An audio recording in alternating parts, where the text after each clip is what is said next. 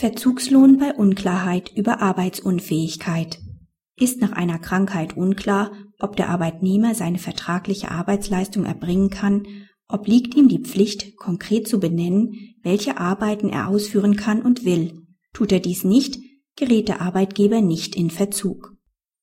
Die Arbeitnehmerin ist Maschinenführerin in der Füllhalle einer Molkerei. Zuletzt ist sie im frische Dienstlager eingesetzt.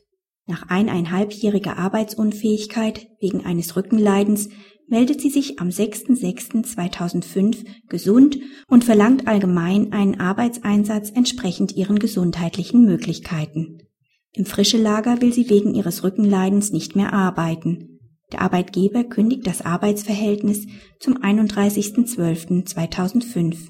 Dagegen erhebt die Arbeitnehmerin Klage, der stattgegeben wird. Sie verlangt nun Lohn für die Zeit seit dem 6.06.2005. In den ersten beiden Instanzen obsiegte die Arbeitnehmerin. Das BAG gab der Revision statt und verwies den Fall zurück. Nach einer krankheitsbedingten Abwesenheit obliegt es dem Arbeitnehmer, seine Arbeitsleistung anzubieten. Der Arbeitgeber kommt grundsätzlich nur in Verzug, wenn er die vertragsgemäße Arbeitsleistung nicht annimmt. Das Angebot einer anderen, nicht vertragsgemäßen Arbeit begründet keinen Annahmeverzug. Er kommt auch nicht in Verzug, wenn der Schuldner zur Zeit des Angebots außerstande ist, die vertragliche Leistung zu bewirken.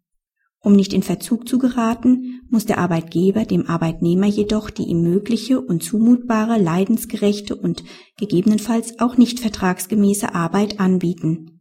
Unzumutbar ist eine Freikündigung oder auch ein Ringtausch mit anderen Arbeitnehmern. Vorliegend konnte das BAG nicht erkennen, dass die Klägerin gesundheitlich in der Lage ist, die vertragsgemäße Arbeit zu erfüllen. Dies muss das Landesarbeitsgericht nun klären. Ferner ist unklar, ob die Klägerin angeboten hat, eine bestimmte andere oder generell jede Arbeit im Betrieb ausführen zu können und zu wollen. Selbst wenn dem so wäre, gerät der Arbeitgeber nur dann in Verzug, wenn es einen entsprechenden freien Arbeitsplatz oder eine entsprechend freie Arbeitskapazität gibt. Im Ergebnis sind damit die Anspruchsvoraussetzungen für einen Verzugslohn, aber auch für einen Schadensersatz gemäß 280 BGB nicht hinreichend dargelegt. Praxishinweis. Um den Arbeitgeber in Verzug zu setzen, muss ein aus der Krankheit zurückkehrender Arbeitnehmer konkret angeben, welche Arbeiten er ausführen kann und will. Unterstützt der Arbeitnehmer dies durch ein ärztliches Attest, stärkt er seine Rechtsposition.